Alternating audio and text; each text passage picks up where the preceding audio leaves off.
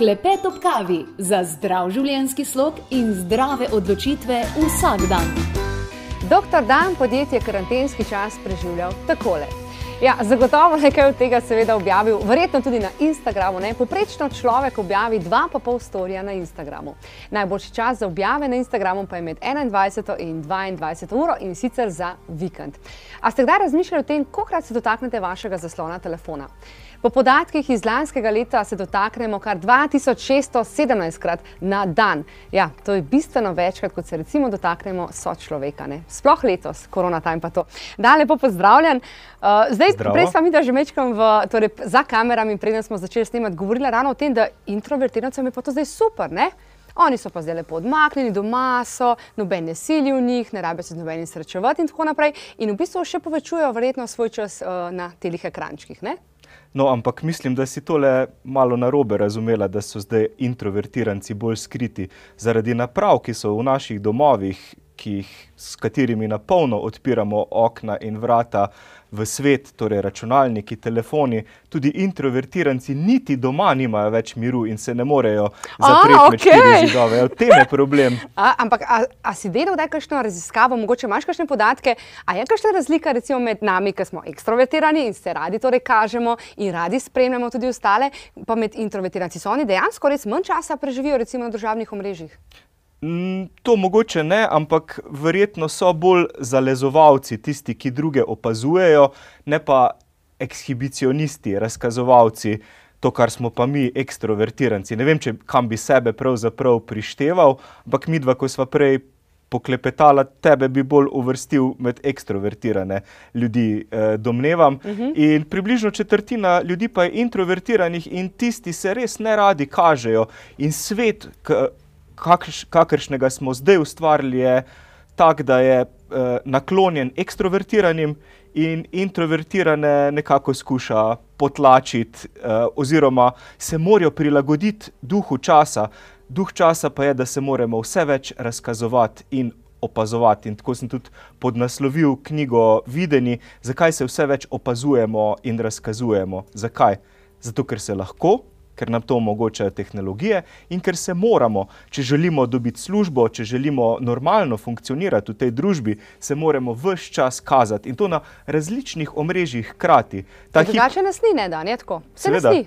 ne obstajamo. Ne obstajamo. Um, če niste, zdaj ni dovolj, da ste prisotni na Facebooku. Facebook je zdaj za starejše generacije, za mojo, pa za mojo mamo. Recimo, tista generacija, starejša od 60 let, je tista, ki je.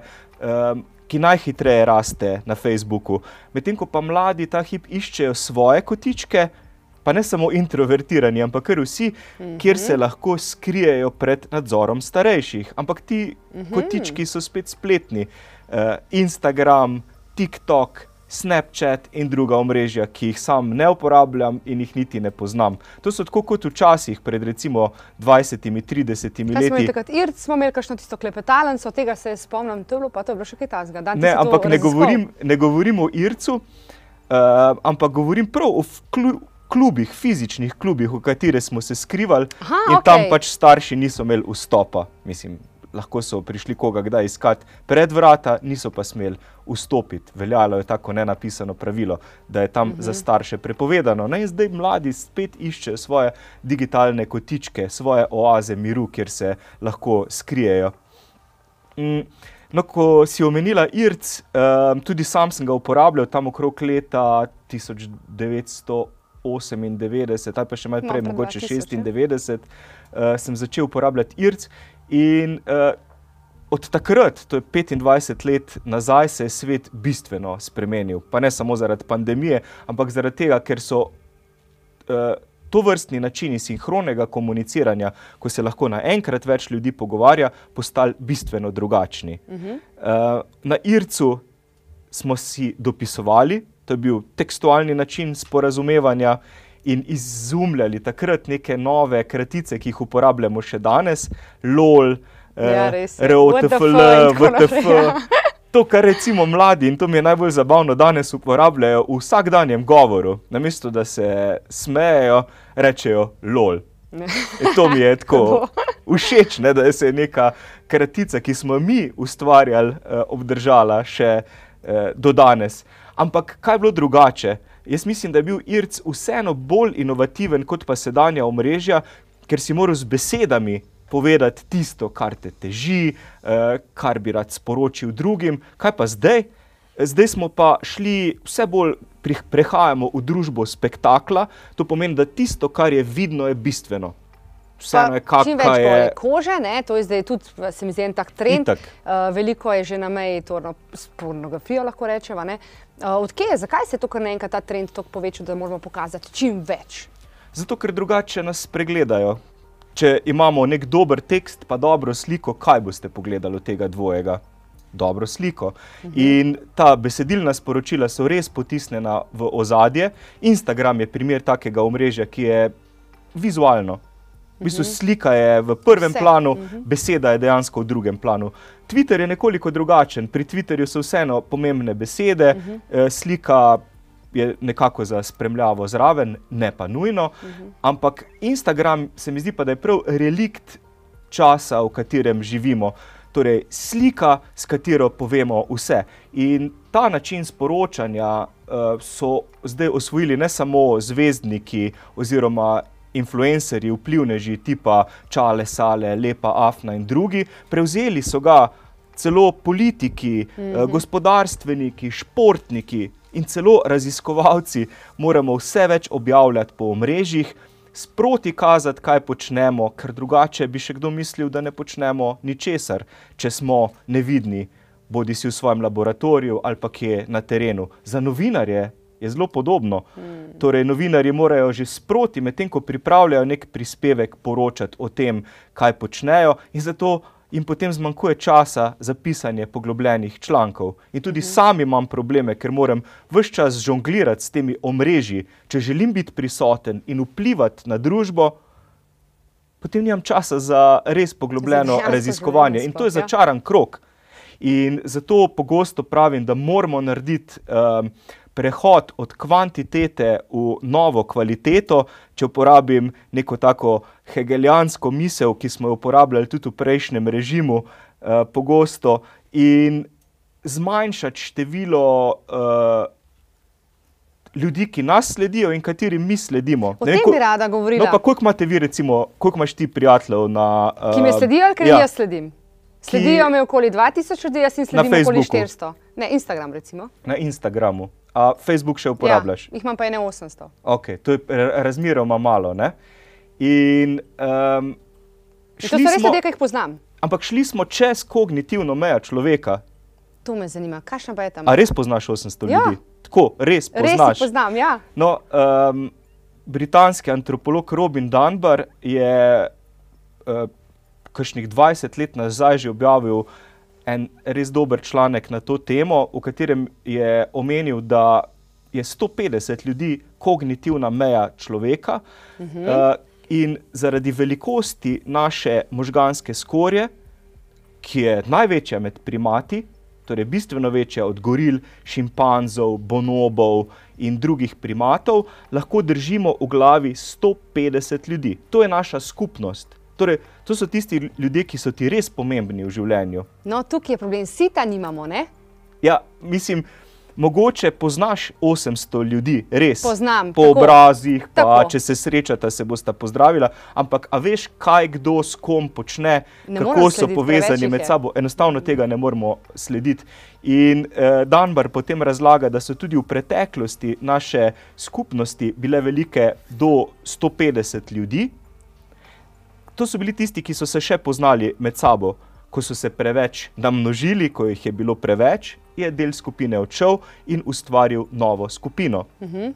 In zanimivo je, da um, nekatera podjetja uh, celo uporabljajo to načelo 150 še danes, recimo podjetje Gor, ki dela tiste, uh, ta nepremočljiva oblačila, um, imajo proizvodne obrate uh -huh. in ko se ti napolnijo, ko je tam več kot 150 ljudi, kako pa to vejo, ker imajo parkirne prostore spredaj, kjer je 150 parkirnih prostorov, in ko začnejo ljudje parkirati po travi, naredijo nov proizvodni obrat nekje mm. blizu. Zakaj? Zato, ker na ta način se ustvarjajo tiste skupnosti, ki funkcionirajo kot um, skoraj kot družina. Torej, ljudje se poznajo med sabo, ko grejo ven na kavo ali pa na kozarec vode ali pa na cigaret, recimo, se pogovarjajo med sabo in vejo, kaj počne kdorkoli v tej skupnosti. Torej, No, ko lahko smo ravno- nadzirajo drug drugega. Ja. In to je dobro.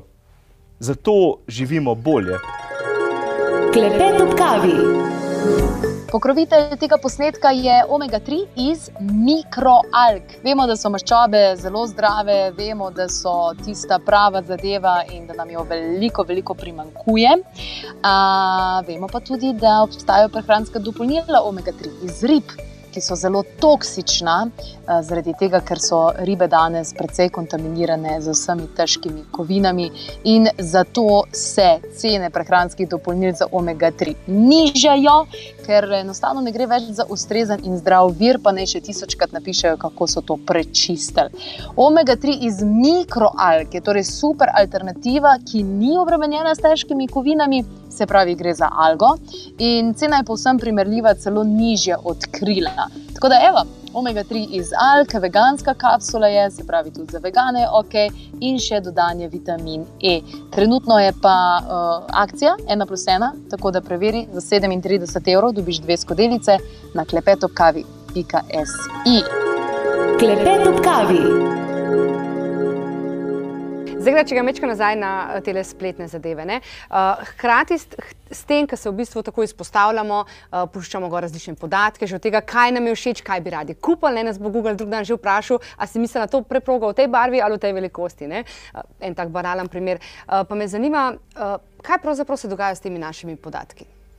To ni banalen primer, to se dogaja vsem nam. Recimo pred časom sem šel v trgovino, ker sta prišla na obisk dva znanca iz ZDA in je žena mi potem naročila, uh, kaj naj prinesem iz trgovine, ker ne jesta glutena, uh, je priporočila, naj vzamem polento.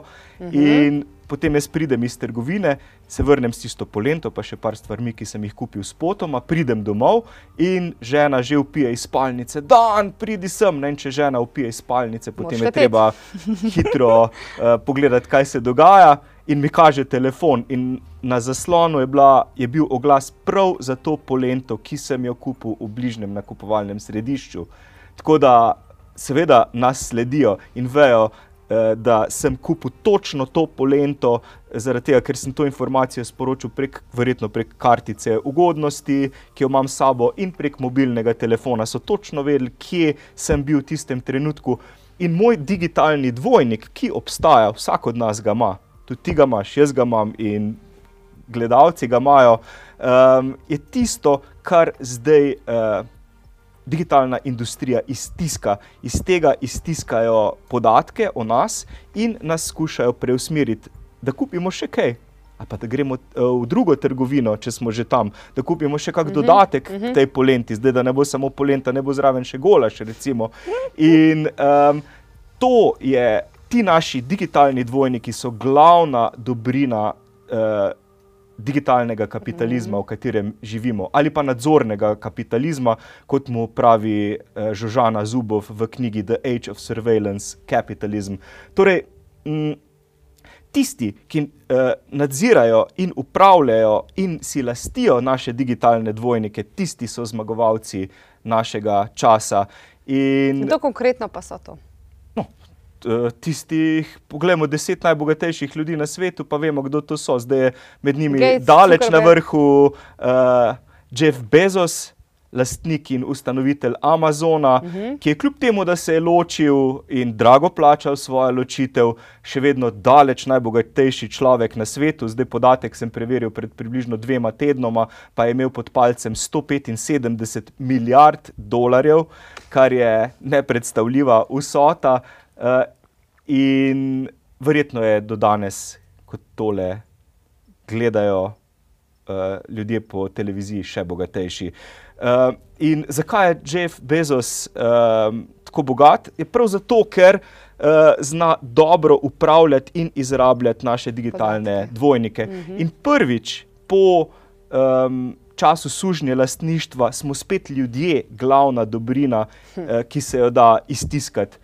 Torej, eh, gre v bistvu za nek nov način sužnje lastništva, od katerega nekateri dobro živijo. Poleg Bezosa pa še seveda Mark Zuckerberg, uh, ustanovitelja Google, Sergej Brin in Larry Page, uh, Larry Ellison od Oracla in uh, Bill Gates, ustanovitelj Microsofta.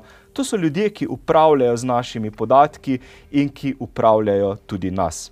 Ja, no, etični heker Milan Gabor bo tudi povedal nekaj besed o tem, kako preveriti svoj digitalni izpust.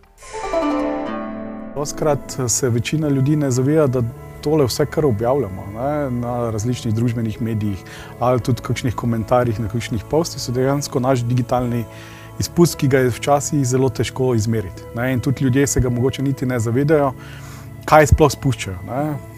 Da se pa tole izmeriti, če se enostavno, recimo na kakšnih družbenih platformah, lahko zahtevate vaš digitalni izpust in recimo vem, Google, Facebook. Aha. Vam bo tudi povedal, koliko je vaš digitalni izpust, katere podatke ste. K kako konkretno se to naredi? Um, Request my data. Request recimo, my, my data. data. Če bi kakšne v Google, Google upisali, okay. ja, bi vam dal, kje morate točno odkljukati ne, in zahtevati podatke. Aha. In vam bo jih Google vse lepo poserviral, kaj oni hranijo v vas. Tako, mi dva z Danom smo nazaj. Eh, Dan, prej si rekel, da v bistvu pa niso samo negativne stvari v tem, da nas sledijo. Je to res? Ja, seveda, vse tehnologije nam lahko tudi pomagajo, ne pa samo, da nas izkoriščajo. In eh, pred časom se mi je zgodilo prav to, ko se je pokazalo, zakaj je Google lahko dober. Namreč, eh, ko smo bili v Lizboni, sem izgubil mobilni telefon, nov, ki sem ga kupil ravno takrat. In potem, ko smo se vrnili v stanovanje, ki smo ga najeli, nisem vedel, kaj naj naredim. V, najprej smo seveda klicali vse uh, te taksi službe po Lizboni, če vejo, kje bi ta taksist lahko bil, nihče ga ni poznal, nihče ni vedel za njega. In potem sem v nekem trenutku obupa storil to, da sem se usedel za računalnik in uh mhm. -huh. napisal v Google, ki je pač to preročišče, na katerem iščemo vse informacije uh mhm. -huh. o sebi, sem napisal. Where is my phone? Torej, kje je moj telefon? In potem se je pokazal zemljevid, in na zemljevidu je bila označena lokacija mojega telefona. Wow. Ker ga Google seveda sledi. In um, je sporočil lokacijo mojega telefona, in potem sva z prijateljem tek, tekala po ulicah Lizbonskih, uh, jaz z računalnikom v roki, on pa s telefonom, da mi je delil signal. In sva šla do tiste lokacije, kjer, je, kjer ne bi bil ta taksi, ampak ga ni bilo več, ker se je odpeljal drugam. In potem smo najela drug taksi in s tistim taksijem sledila ta prvi taksi in smo divjali tako v krogih po Lizboni. Jo, potem smo na koncu uh, videli, da se je tista točka ustavila. Torej, tisti taksi, ki je imel moj telefon, uh -huh. se je mhm. nekje ustavil, zdaj pa ga imamo. Ta taksist, eh, ki nam je vzel, je bil pa tudi tako že kar navdušen nad tem, da se končno nekaj zanimivega dogaja. Vse ga bomo, vse ga bomo. In potem pridemo tja na tisto lokacijo, in to je bila pa policija. In policisti so stali zunaj, eden od njih je že držal telefon v roki in nam mahal. Potem smo stopili ven in rekel: Je to vaš telefon? Ja, kako pa ne vemo, da je vaš. Ja, potem sem pritisnil gor prst, se je mhm. odklenil in mi je izročil ta telefon. Da, torej, takrat, where is my phone? Pa ga najdemo. Takrat sem rekel, hvala Google, hvala, da me slediš. Ampak seveda uh, moramo se zavedati, da nas Google sledi vse čas, da sabo vse čas nosimo prisluškovalno in sledilno napravo, uh, ki pogosto uporablja nas in um, te podatke o tem, kje mi smo, s kom smo, kaj počnemo, pošilja po potrebi prodaja drugim podjetjem ali pa predaja te informacije, kot um, je razkril uh, Edward Snowden, žvižgač iz uh, NSA, National Security Agency, vladnim ustanovam. In to pa je tisto, kar je zelo zaskrbljujoče. To pomeni, da imajo vlade prek uh, teh.